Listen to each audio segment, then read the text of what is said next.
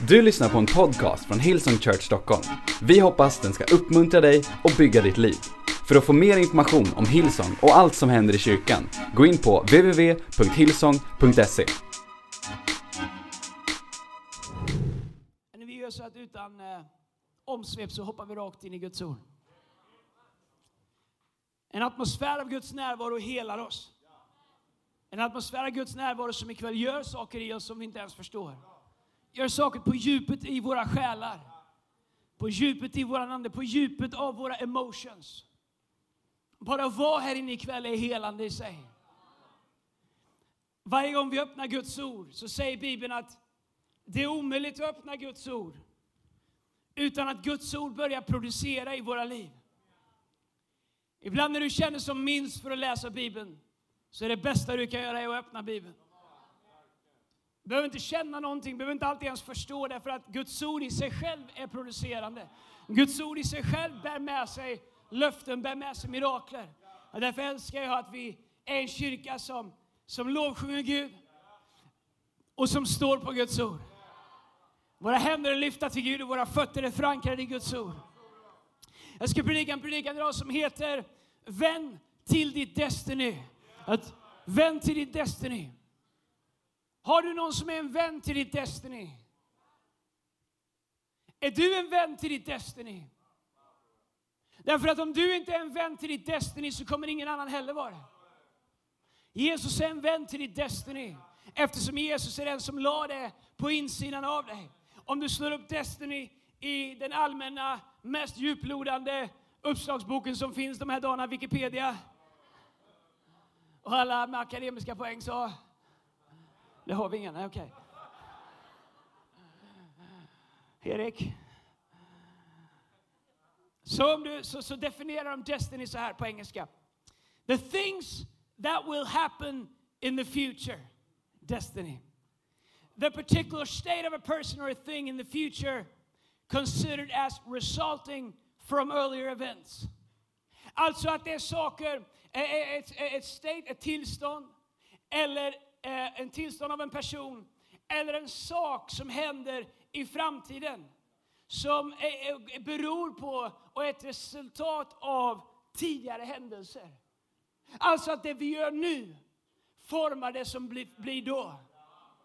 Så många människor vill arrive, vill komma fram till då och ha någonting då utan att göra det som krävs här så att Destiny kan börja producera det som du vill arrive to, det som du vill komma fram till. Ordspråksboken, förlåt, inte Ordspråksboken, men ett ordspråk, det är så nära man kan komma här.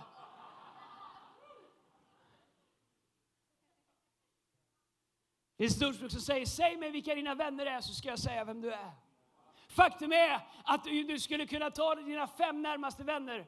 Om jag fick spendera en halvtimme med dina fem närmaste vänner skulle jag ganska ganska klart kunna beskriva vem du är. Säg mig vilka du har hängt med de sista två åren, dina fem närmsta vänner. Låt mig lyssna på hur de pratar. Låt mig höra klangen i deras röst. Är den positiv, är den negativ, är den upplyftande, är den nedtryckande? Tänker de stort, tänker de smått? Trycker ni ner varandra, lyfter ni upp varandra? Ge mig en halvtimme med dina fem närmaste vänner ska jag tala om för dig vem du är och vart ditt liv är på väg. Våra vänner definierar vår framtid. Det är därför som det är så oerhört viktigt att du har människor som är vänner till ditt Destiny. Inte bara vänner som är sköna nu. Jag sa till Youth på fredags, jag hade förmånen att vara på Youth i fredags, jag ska vara mycket framöver. Om ni undrar varför de stage-divar här innan så sa jag, kan, jag kan ha sagt på Youth att det finns, det, finns, det finns en belöning till de första fem som stage-divar. Alla ni fem som gjorde det, kom tillbaks på Youth nästa gång, ni får belöningen där, alright? Well, jag sa till Youth, tror jag. Eller så tänkte jag det när jag förberedde mig. Jag tror jag sa det.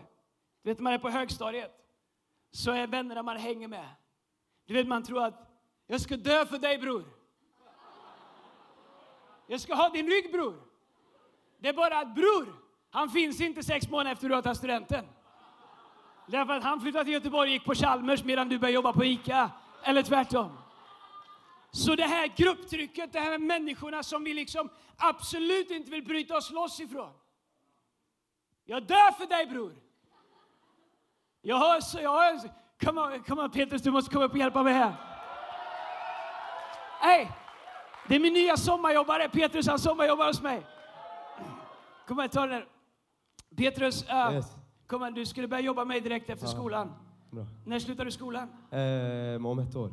Vad sa du? Det är ett Nej, år men kvar. när slutar du skolan den här terminen? Jaha, ehm, 10 juni. Eh, På torsdagen, eller hur? Ja, Inte nu i torsdags, men torsdagen innan. Ja. På fredag skulle du börja jobba hos mig. Ja. Vad, vad händer på torsdagen? Jag tog semester. Va? Jag tog Va? semester. Kommer jag, jag tror inte de hör. Jag Va? tog semester. Du tog semester? Ja. Innan du hade gjort din första dag på jobbet så ringde du och frågade om du kunde få en veckas semester. Ja.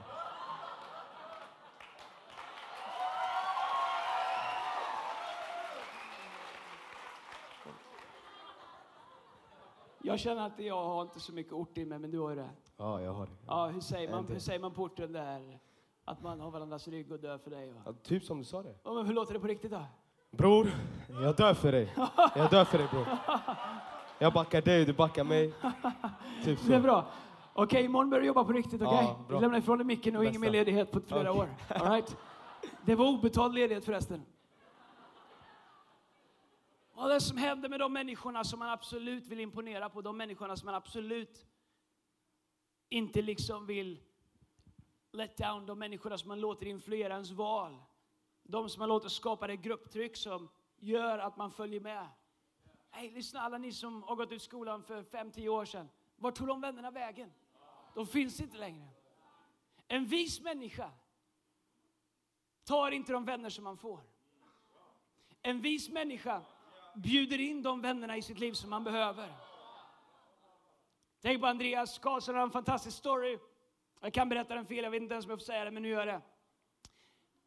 Han var, jag tror att han var en busboy på eh, eh Park Lane, eh, på Victoria eller på någon av klubbarna där och, och Bill Champlin var där och spelade piano. Och, och, och, och, och han smög fram till honom, Bill Champlin, ni vet alla vem det är, eller hur? Ni går, okej, gå hem och googla, ni outbildade musik, music lovers. Och som amerikanerna sa, hey you got my number, hey call me anytime you're in LA, bla bla bla bla bla. Det var att han var galen nog att ta det numret och åka till LA, åka knacka på på dörren där han bodde och sa, nu är jag här, kan vi skriva låtar? Då, då pratar vi med kanske den tidens största låtskrivare. Och det är någonting med människor som inte tar dem. När jag fick Piff och Puff och Bill och Bull och Pucko och allihopa i mitt liv här. Jag tar vad jag får. Det är någonting med människor som säger, vet du vad, om jag ska göra det Gud har lagt till mig, jag behöver någon med karaktär. Jag behöver någon med vishet. Jag behöver någon med mod. Jag behöver någon som törs säga sanning. En människa som är mån om sitt Destiny designar sina, sina vänner. Kolla här vad Ordspråksboken säger. Kapitel 13, vers 20. Den som umgås med visa blir vis. Den som är vän med dårar går illa. Om det inte hade funnits dårar så hade det inte funnits i Bibeln. Ordspråksboken 18 och 24. Vänner kan slita varandra i stycken men det finns en vän som är mer hängiven än en bror. När jag var 20 år och kom till USA nyfrälst trodde att solen steg upp ur min egen bakdel, att världen cirkulerade kring min aura. Jag hade vissa vänner som var lite skugga i min tillvaro. Jag trodde att jag var cool, hade långt hår, ringar på eh, alla möjliga öron, höll jag säga. Och kom in där 20 år. Coach Mullin som var min pastor, amerikansk fotbollscoach många år, ni vet, många av er vet vem han är. Han tittar mig rakt i ögonen. Jag imponerar ingenting på honom. Min swag, min stil, min bränna, HDn, tja-tja. Han var nollimpad. The Swedish sensation funkar inte på coach Tom Mullins kan jag säga. Han gick rakt fram till mig första veckan han sa You can't fly like an eagle if you hang out with turkeys.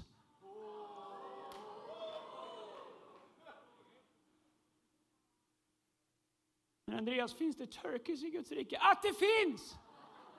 Se dig inte omkring, titta inte på någon.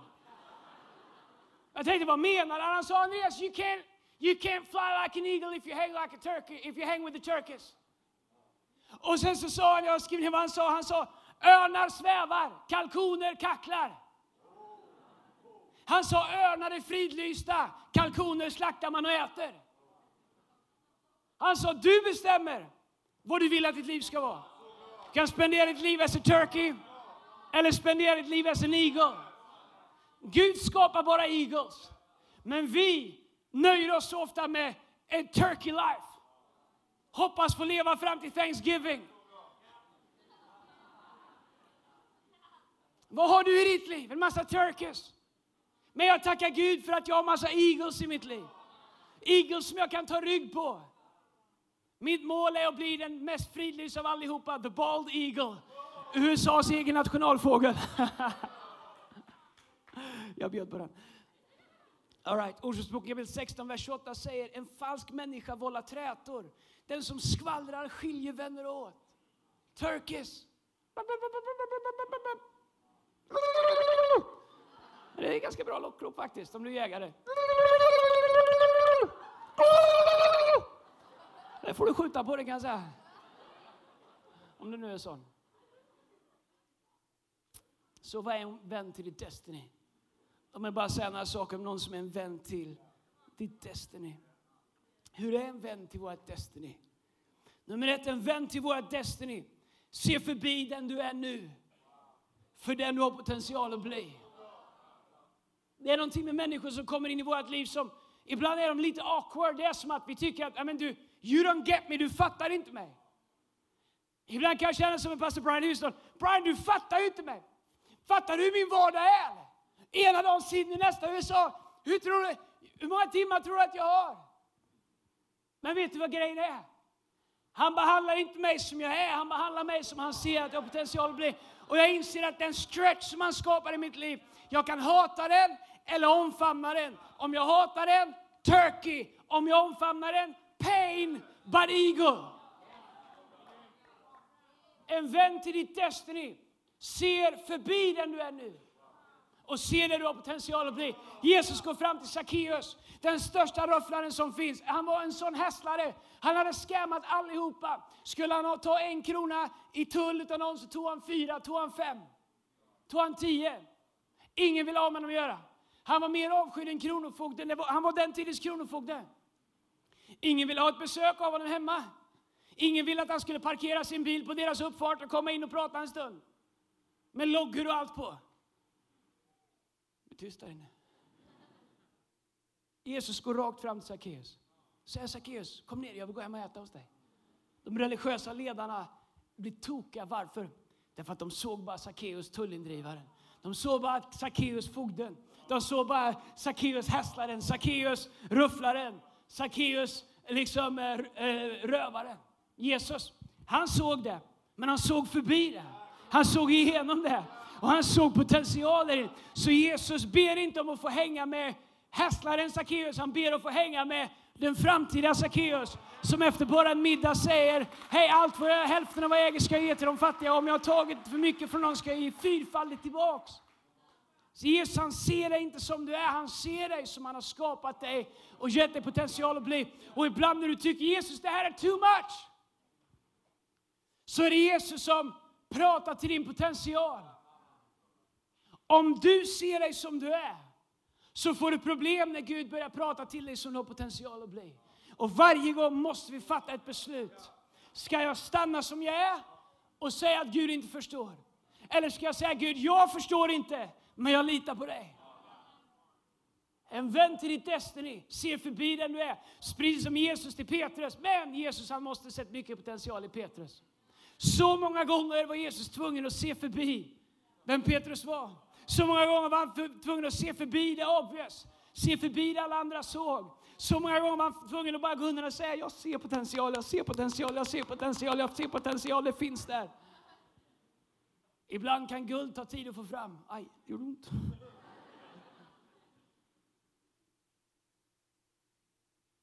Petrus och Jesus pratar. Jesus säger jag måste dö. Måste du inte alls. Och sluta. inte. Jo, alla kommer överge mig. Nej, nej, nej, nej, nej. Om så alla överger dig, så kommer jag aldrig överge dig. Jesus, pff, innan tuppen gav tre gånger så har du övergett mig. Nej, nej, nej, det kommer aldrig ske. Vad händer? Det är lite djurutbildning här idag. Petrus överger honom. Vad gör Jesus när han ser Petrus? Han tittar på honom och säger, min frid ger dig. Frid var med dig. Vad är det han gör? Han talar inte till hans misslyckande. Han talar till hans destiny. Därför att Jesus visste redan när han sa du kommer överge mig, redan, redan då så visste Jesus att eh, Petrus skulle vara den som stod upp på pingstdagen och sa att vi är inte fulla som ni tror, utan vi är fyllda med den helige Ande. Jesus visste att det skulle komma en pingstdag när alla andra backade undan, så fanns det bara en som var tillräckligt galen för att steppa ut i sitt destiny, steppa ut i sin potential och göra det Jesus hade kallat honom till. Så Jesus stod ut med alla Petrus skavanker på samma sätt som han står ut med oss så länge vi är på väg mot vårt Destiny. Men i samma ögonblick som vi eh, liksom tar en stol i livet, samlar ihop alla våra ursäkter och allt vi har varit med om och allting varför det inte går, sätter oss ner och säger Gud längre än så här kommer jag inte. Nu ska jag börja anpassa min gudsbild efter vart jag är. I samma ögonblick så har du stängt dörren till ditt Destiny.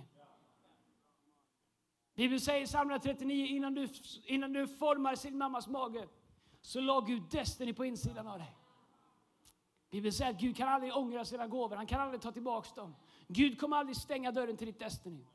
Men vi kan stänga dörren till vårt Destiny. Det är därför det är så oerhört viktigt att vi har vänner. Så många gånger i mitt liv har jag varit på väg att stänga dörren till mitt Destiny. Men jag tackar Gud för att jag har vänner som inte har låtit mig stänga den dörren. Som har sagt Andreas, come on! Du kan lite till. Come on Andreas! Du kommer igenom det här också. Vänner till mitt Destiny. Som ser förbi det obvious, som ser förbi det som är nu. Och ser det som finns på insidan.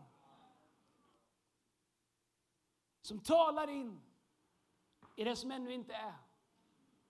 2005 så hade jag tappat hela mitt, hela mitt självförtroende som pastor och predikant. Och mitt liv och min tjänst och min kallelse och min dröm var absolut söndersmulad. Jag hade inget självförtroende. Jag hade ingen plan. Jag hade inga opportunities, hade ingen inbjudan. Den långa kön av fans som hade funnits innan var borta. Allt var, allt, allt var gone. Och jag såg mig som jag var. Men jag är så tacksam att Gud inte såg mig som jag var. Utan att Gud såg då. Det han har låtit mig få bli hittills. Men jag tackar Gud att under den perioden när jag inte såg någonting, när jag trodde att jag hade haft min run där, mitt, allt mitt andliga självförtroende var borta. Allt mitt andliga framtidshopp, ah, mitt mänskliga framtidshopp var borta. Jag tackar Gud för att i den tiden så lärde jag känna pastor Brian Houston. Och Brian Houston började tala till saker på Instagram. Jag säger Brian, är det ens möjligt? Vet du var jag kommer ifrån? Har du läst breven du får? Det var som några brev som skickades till honom när han började hänga med mig. på svenska skickade jag en del brev så han fattade dem inte. Tack Jesus. Käre Brian. Se utan människor i våra liv som lite nu och då. När vi inte ser någonting själva i oss själva. Utan människor i våra liv som ser någonting i oss som vi inte ser. Så stannar vi där vi är. Har du människor i ditt liv som inte låter dig stanna? Har du vågat bjuda in människor i ditt liv som vågar utmana dig när du vill stanna? För det är det det kommer ner till. Ja, men jag vill också någon som peppar mig lite grann nere. Jag pratar inte om att peppa dig när du är nere. Jag pratar om någon som provocerande sparkar dig så hårt i Hon säger Don't you dare to give up. Sitt inte här och tyck synd om dig själv. Tror du att du är den första som går igenom en motgång? Tror du att du är den första som inte får se sin dröm lyckas på första försöket? Come on, ge inte upp! Sluta tyck synd om dig själv. Lyft blicken. Fortsätt igen. Jag pratar inte om människor som säger Åh, det måste vara så synd om dig. Åh, vad jobbigt det är. Ja, det är så jobbigt. Åh, jag tycker också det är jobbigt. Jag förstår att det är så jobbigt. Nu sitter vi här under en filt med en kopp te. Men vem dricker te? Jag sitter här och, och så här. Nej, du behöver människor som rycker av dig filten, brygger en stark kopp kaffe och säger It's time to go. Orkar du med provocerande vänner i ditt liv? Som provocerande sparkar in i ditt destiny när du vill ge upp. Som ser saker i dig som du har slutat titta efter.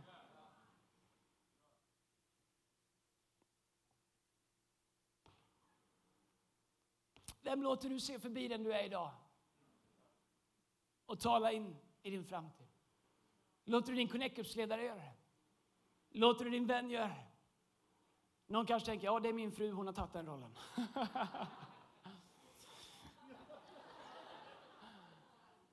oh, alltid lite too much. Hej, vet du vad? Bara den som välkomnar, hör vad jag säger? Om det är någon, kanske en.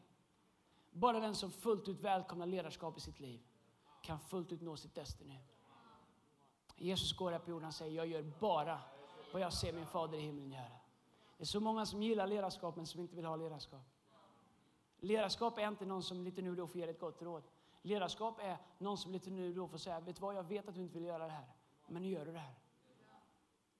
Har du så människor som älskar dig så mycket, som är så visa, som kan ge dig ledarskap i livet? Faktum är att ett liv utan ledarskap i sitt liv är ett liv i uppror. Det är ett liv som inte är Kristuslikt. Det fina är att vi får själva välja vem vi vill ha ledarskap från. Ingen ledare kan kräva att få ledarskap i en annan människas liv. Inte ens Jesus kräver ledarskap i vårt liv. Utan erbjuder oss att öppna våra liv och ta emot det från honom. Man kan ställa dig frågan, vem har du bjudit in i ditt liv? Som älskar dig tillräckligt mycket för att säga sanningen om dig. Vi är en kyrka som ser förbi det människor är idag och talar in i allting som de kan bli. Om du är här idag som är här för första gången och känner jag vet inte om jag passar in. Och du är här idag som kanske lyfter din hand för några veckor sedan och sa jag vill lära känna Jesus och de sista veckorna har varit kaos. Men, vi är inte en kyrka som ser dig som du är nu. Vi är en kyrka som ser dig som du har potential att bli. Kanske är du här och vi ska ha dop idag. Kanske döpte du dig för ett år sedan eller för några månader sedan och du trodde att allt skulle gå perfekt. Men du har kracklandat flera gånger och du känner jag kan inte knappt komma tillbaks. Jag skäms. Eller jag skrev på Facebook, den där sängen jag hamnade i, den där fighten jag hamnade i, whatever, vad som än har hänt. Vi är inte en kyrka som tittar på hur det är nu. Vi är en kyrka som ser vad Gud kan göra i dig om du bara stannar kvar.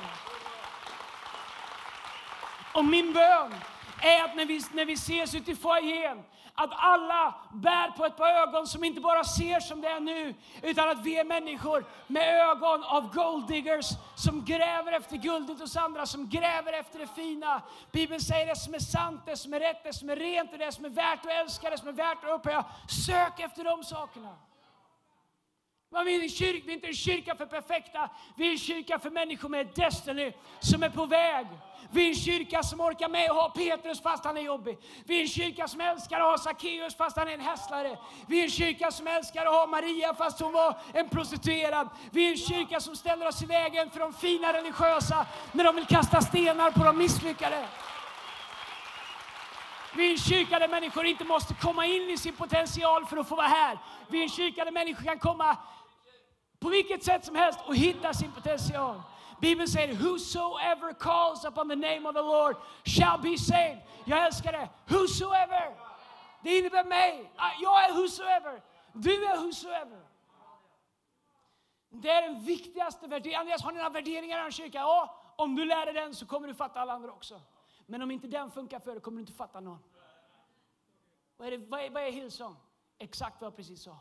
En kyrka som tror att det finns guld inom dig. Men du måste inte ta fram det guldet för att kvala in här. Du kan komma som det är och låta Gud göra i dig det han fick göra i Petrus och se Guds trofasthet i ditt liv.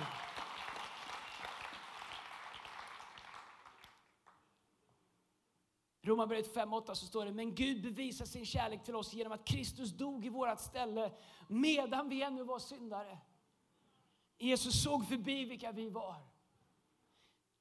och betalade det ultimata priset för vårt Destiny. Så sjukt överväldigande. Kan du tänka dig hur den här världen ser ut? Jesus han vet allting som har varit. Han vet allt som är, han vet allt som kommer vara. När han går de där stegen upp till Golgata, den där kullen som kallades för Golgata, där man reste hans kors. Han gick på vägen som heter, heter, fortfarande heter Via Dolorosa. På väg upp till Golgata kulle. Där vet han all ondska, all våran synd, vår egoism, våra svagheter, våra tillkortakommande. Men han är beredd att se förbi hela världens synd och betala det ultimata priset för allas destiny. Jag menar, vem har sån kärlek? Alltså är det bara när vi låter oss fyllas av den kärleken som vi fullt ut kan se det fina och det vackra och det rena i andra människor. För i vår egen kraft klarar vi inte det. I vår egen kraft klarar vi inte se det i oss själva. Och eftersom vi inte klarar att se det i oss själva egen kraft så kan vi absolut inte se det i andra egen kraft. Det är bara när jag låter mig fyllas av den kärleken som var beredd att se förbi all ondska och ändå betala priset för mitt liv. Det är bara när jag låter mig fyllas av den kärleken som jag kan få de ögonen och se det i andra människor. Största miraklet är inte när ben växer ut. Störst, även om det är ett mirakel, de får gärna växa ut för min del, det är kanon. Största miraklet, det är när en människa låter sig fyllas så mycket av Guds kärlek att han är, är kapabel att ge den kärleken vidare till andra människor. Det är det största miraklet. Det och frälsningsmiraklet är de största två miraklen som sker. Så var en vän till ditt Destiny. Det är någon som ser förbi vem du är nu och ser det du har potential att bli. Okej, okay, nummer två. En vän till ditt Destiny är beredd och riskera sin relation med dig för, för att hindra dig från att göra något som förstör din framtid. Har du människor som är beredda att riskera sin relation? Människor som är beredda att säga vad du behöver höra, inte vad du vill höra. Det finns en del självpåtagna sådana människor som tror att deras roll alltid är att säga vad de tycker att du behöver höra. Det är de jag pratar om. Jag pratar liksom inte om internetgrillan, jag pratar inte om liksom rättfärdigas, heligas förbund med ett eget tangentbord. Det är inte det jag pratar om. Människor som måste säga sanningen. Framförallt deras egen sanning. Hemmasnickrad, ihopkokad på två och ett halvt bibelord som inte hör ihop.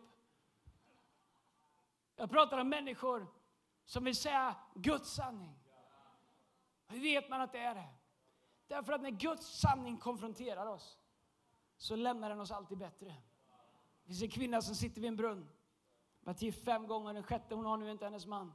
Men jag vet inte om hon var kass på att vara hustru eller männen var kass på att vara män. Något hände. Fem män hann dö i alla fall. Eller försvinna. Här sitter hon. Fem kraschade äktenskap. Det sjätte går inte så bra. Hon har inte ens kunnat gifta sig än. Vad är det Jesus säger? Han exponerar det för henne. Hur lämnar hon den konversationen? Hon springer därifrån in till byn. Full av glädje. Full av förlåtelse. Vet du vad hon säger? Kom och hör. Han som sagt mig sanningen om vem jag verkligen är. Alltså en sanning som skär rakt igenom allt som är. Men som får oss vilja springa och säga till alla, hej, kom och lyssna på han som har sagt sanningen om vem jag, vem jag verkligen Vad sa han då? Ja, han sa, fem män har du haft och den du har nu är inte din man. Det har inte gått så bra här. Hur kan man höra sanningen och ändå känna sig full av Guds kärlek? Därför att om det är Guds sanning som kommer till dig så lämnar den inte, den lämnar inte dig kraschad. Den lämnar inte dig bedrövad. Den lämnar inte dig broken. Den lämnar inte dig i fördömelse. Den lämnar dig inte i skam. Den lämnar dig upplyft. Den lämnar dig med en väg framåt. Den lämnar dig med nytt hopp. Det är den sanningen. Det är den sanningen. Har du människor som älskar dig tillräckligt mycket för att inte säga det du vill höra, utan säga det du verkligen behöver höra, och som är beredda att riskera sin relation med dig. Jag har haft några sådana breaking points i mitt liv. När jag har suttit ner med en människa där jag inser att det här kan kosta mig min relation med den här människan. Men jag kan inte leva med att se hur den här människan lider under omständigheterna utan att veta att det finns en sanning som kan hjälpa dem att hitta rätt. Som har suttit ner och sagt i kärlek sanningen och sett hur en människa har fått bli fri. Men du vet, en fejkrelation som bygger på att vi låtsas inget om. Jag växte upp i ena delen av min släkt, jag kan ha sagt det en gång, om ni lyssnar på podcasten, jag säger inte vem det är, sorry. Men det fanns ett uttryck när det skulle komma andra släktingar eller andra där de sa, vi låtsas inget om. Nu säger vi ingenting. Vilket innebär att allt vi precis har sagt ska vi låtsas att vi inte har sagt. Vi låtsas inget om. Hej, kommer du? Vad roligt att du kommer! Två minuter innan. Nu kommer de där... Jag kan inte säga vad vi sa, men... Och kommer du? Vi låtsas inget om. Säg nu ingenting. Du kan inte bygga en relation på att inte låtsas någonting om. Det är ingen riktig relation. Om du älskar någon tillräckligt mycket så inser du att sanningen sätter oss fria. Inte din sanning, så att du får det du vill, utan Guds sanning. Bibeln säger, Jesus säger, jag är vägen, sanningen och livet. Det finns ingen väg utan sanning, det finns inget liv utan sanning. Ordspråken 27 och 9 så står det, salvor och rökelse gör hjärtat glatt. Så även ömhet från en vän som ger uppriktiga råd. Uppriktiga råd. En känd berättelse om Jesus och den rike mannen ifrån Lukas 18, vers 18. Orkar ni lite till? Han går så här, kommer en rik man fram till Jesus, ung rik man. Bra på att hålla alla religiösa regler, vilket innebär att han har inte haft eh, begått äktenskapsbrott, han ljuger inte, han, eh, vad är det man inte får göra? Han svär inte, han har inga andra gudar, det hade han, det visste han inte, men han tycker det går rätt bra för honom. Han tycker liksom, du måste ha rätt bra självförtroende när du kommer upp och flexar din kristendom mot, mot Jesus. Liksom. Där han vill liksom nästan komma upp och battla Jesus. Liksom i, i, om, om, du är över 35 och inte vet vad battla betyder kan du googla när du kommer hem. Men han kommer liksom upp och vill flexa liksom med Jesus med sin kristendom. Jag menar, av alla människor, han kan ju gått på Petrus, där har han vunnit lätt, med Jesus. Så står det så här, en man i hög ställning. En sån här. Frågar Jesus, gode mästare, vad ska jag göra för att få evigt liv? Alltså han tycker redan att han har gjort det, men han vill liksom Gode eh, mästare, vad ska jag göra för att få evigt liv? Underförstått, du behöver inte säga till mig, men till de här puckorna. Jesus sa till honom, varför kallar du mig god? Ingen är god utom en, och det är Gud. Buden känner du. Varför börjar han rabbla upp buden här, Jesus? Därför att om vi berömmer oss av lagen så kommer Jesus hålla oss accountable till lagen. Men om vi inser att allt är av nåd så kommer Jesus ge oss sin nåd. Så han kommer och berömmer sig av lagen, alla lagar han har hållit, ah, hur fin kristen han är. Så Jesus säger, okej, okay, är det lagen du vill ha, så är det lagen du får. Så han säger, buden känner du, du ska inte begå äktenskapsbrott, du ska inte mörda, du ska inte stjäla, du ska inte vittna falskt, hedra din far och mor. Mannen sa det, allt detta har jag hållit sedan jag var ung. Har du inget svårare? Jesus hörde det och sa till honom, ett fattas det nu. Sälj allt vad du äger och dela ut till de fattiga. Då ska du få en skatt i himlen. Och kom sen och följ med. När mannen hörde detta blev han djupt bedrövad eftersom han var mycket rik. Vad hade han för problem? Att han var rik? Nej. Han hade två problem. Nummer ett, han berömde sig av sin egen prestation. Tror du att min, tror jag att min bästa prestation skulle imponera på Gud? Han berömmer sig av sin prestation och han förlitar sig på sina ägodelar. Han behöver ingen Gud. Han har, ingen, han har skapat sin egen Gud. Vad är det Jesus gör? Jag älskar den engelska översättningen. Den säger att Jesus, he looked at him, had compassion with him and spoke. Jesus tittar på honom. Han har compassion, alltså medlidande. Han känner med honom och han talar. Jag älskar hur Jesus säger sanningar. Han tittar oss i ögonen. Han känner medlidande och han säger sanningen. Vi väljer om vi vill följa eller gå bedrövade därifrån. Om du är en sån som bara går bedrövad därifrån så fort någon säger sanningen så kommer du aldrig nå ditt Destiny. Jesus säger inte alltid det vi vill höra. Men han kommer alltid säga det vi behöver, behöver höra för att bli fria. För att komma vidare. Om du är beredd att lyssna på det. Faktum är att hur mycket vi än inte tycker om det så kommer Jesus oftast använda andra människor. Det är därför som vi behöver positionera oss i livet med människor runt omkring som Gud kan använda. Jag tackar Gud för alla fantastiska människor som jag har i mitt liv. Inte minst min fru, jag säger inte det för att få extra poäng. Jag tackar Gud för hennes förmåga att säga saker till mig som är sanna. Vi har allihopa en blind spot. Jag har många, du kanske har en. Vi har allihopa en eller flera blind spots. Du vet döda vinkeln, där vi inte ser någonting. Vem har du som får berätta för dig vad som finns i din döda vinkel? Eller har du dragit på dig liksom en fasad där du bara säger allt är perfekt? Och om allt är perfekt, då har du slutat utvecklas, då har du slutat växa. Då har ju Gud helt plötsligt skapat den fjärde personen i det som tidigare var treenigheten. Guds son 2.0. Well, om du tror att det är du, it's not gonna fly. All right. Mannen gick därifrån djupt bedrövad. Han ville höra att du är duktig, du har hållit alla religiösa regler. Jesus lät honom se att han ytterst sett hade byggt sitt liv på självrättfärdighet och sin rikedom. Det vi bygger våra liv på är det vi tillber. Det vi bygger våra liv på, det vi håller kärast, är det vi tillber. Det spelar ingen roll hur högt vi lyfter våra händer. Sorry, jag älskar dig tillräckligt mycket här idag för att säga sanningen. Det spelar ingen roll hur högt du sjunger. Det spelar ingen roll hur medryckt du blir när jag står här. Det du bygger ditt liv på är det du tillber. Petrus han var tvungen att krascha för att inse att han hade ingenting i det här livet värt att bygga sitt liv på. Men han uppstod i Kristus. Jag kom för sent till ett pastorsmöte, jag har sagt det några gånger. Mitt första pastorsmöte i West Palm Beach. Jag kom två minuter sent, hittade inte dit, satt tolv pastorer och väntade på mig. Jag kommer in där, tror fortfarande att jag är the. Och kommer in där och uh, han tittar på mig, coach Mullins, med de där granitögonen som bara han kan och säger, det ska bli spännande att höra varför Andreas tror att han kan stjäla 24 minuter från vår kyrka. Jag bara, va 24 minuter? Var det två minuter sent? Ja, men vi är 12 personer som har väntat två minuter var. Det är 24 minuter som, vår, som vi aldrig får tillbaks. Det är 24 minuter som jag precis har betalat lön för, det vi inte har kunnat göra någonting för. Och jag bara, 20 år. Uh. Han säger två saker. Nummer ett, jag vill ha två armhävningar per minut du har stulet. Jag bara, jag bara Boy, you think this is a joke? Jag sa, no sir. Tack gode Gud att jag kunde göra 48 armhävningar på den tiden. det andra han sa, att är du för sen en gång till får du sparken. No joke. Jag var aldrig mer för sen. Vet du vad, vet du vad han gjorde? Han lärde mig vad karaktär var. Integritet. Var han tvungen att vara så hård mot alla? Nej, men mot mig. Han älskar mig tillräckligt mycket för att säga inte det jag vill höra, men det jag behövde höra. All right, nummer tre, vad är en vän till ditt Destiny avslutningsvis? En vän till ditt Destiny är någon som värderar det Gud har lagt inom dig. Låt mig säga någonting om det här. Låt mig bara, göra, eh, bara skicka ut någonting till alla i vår kyrka. Någon som är ett vän till ditt Destiny är någon som ser det Gud har lagt inom dig och är beredd att beskydda det. Är beredd att hedra det. Vi är en kyrka som tror på honor.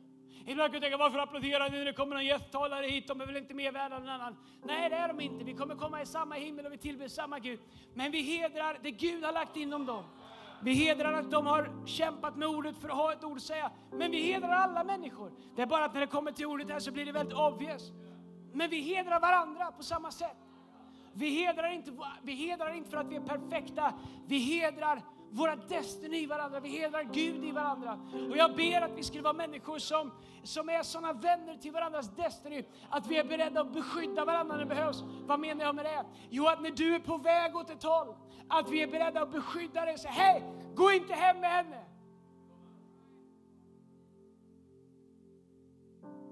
Dejta inte honom. Han ser ju så fin ut. Och det tyckte de andra 76 också. Ah, come on Mr Right. Yeah right.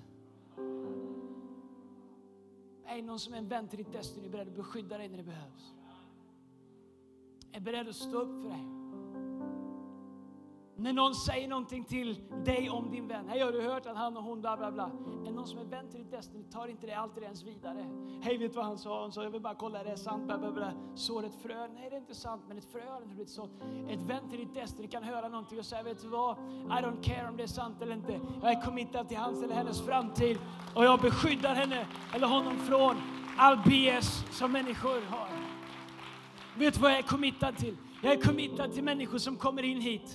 Om du vill se mig, man pratar i Bibeln om att en herde har en käpp och en stav. Well, det betyder att det finns två sidor på den. Den ena sidan har en krok, en herdestav, den har en krok.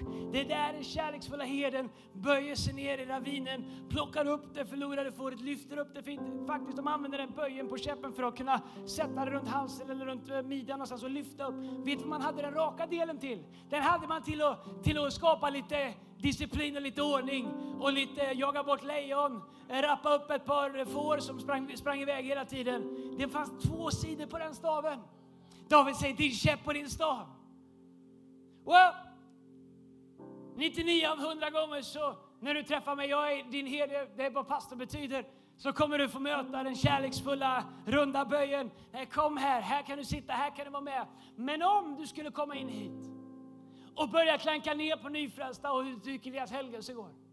Eller klanka ner på någon som precis har börjat predika och tycka att det är din roll att rätta till allting. Eller tycka liksom att trycka ner andra människor eller tycka att det där är inte bra. Hur kan den där personen bla bla? Alltså du bara har en religiös översittarfason. Watch out för andra änden kan jag bara säga.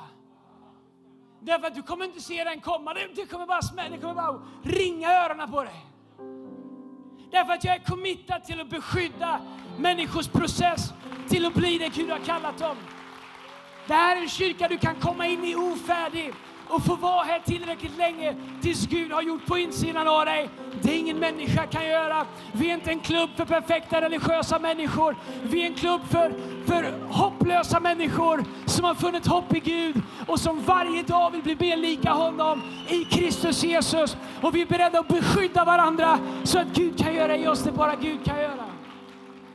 Om du är en vän till någons Destiny så beskyddar du deras process. Då beskyddar du ett Guds verk på insidan av dem. När de dras undan från Connect-gruppen så gör du det svårt för dem att inte komma. Säg, jag vet att du inte kan komma, men jag kommer till dig. I'm gonna hunt you down. Jag vill att vi ska vara en kyrka där vi är vänner till varandras Destiny. Därför att jag tror att det finns ett Destiny på insidan. Jag vet, Bibeln säger att du har ett Destiny. Du kanske, ni som är unga, ni kanske bara tror, men jag vet inte, jag har väl ingen mening, jag vet inte vad jag ska göra. Och det finns ett Destiny inom er youth. Det finns ett Destiny. Ni är skapade, Bibeln säger att ni är, håll, håll, håll, håll. Bibeln säger You are fearfully and wonderful made. Gud har skapat er underbart. Det finns ett liv som väntar på att få levas. Allihopa utav oss har två liv. Det är liv som vi växer upp, som vi, som vi får och det olevda livet som Gud har lagt på insidan av oss. Alla utav oss måste vi välja. Att inte välja är att välja det vi får. Det blev som det blev. Och om det blev som det blev, varför inte bestämma sig, Gud, jag vill inte ha det jag fått, jag vill ha det du har gett mig. Jag vill ha det du har för mig. Jag vill att vår kyrka ska vara en kyrka där vi är vänner till varandras Destiny. Därför att Jesus är en vän till ditt Destiny. Kom on, ska vi stå upp tillsammans? Låtsasteamet kan komma fram.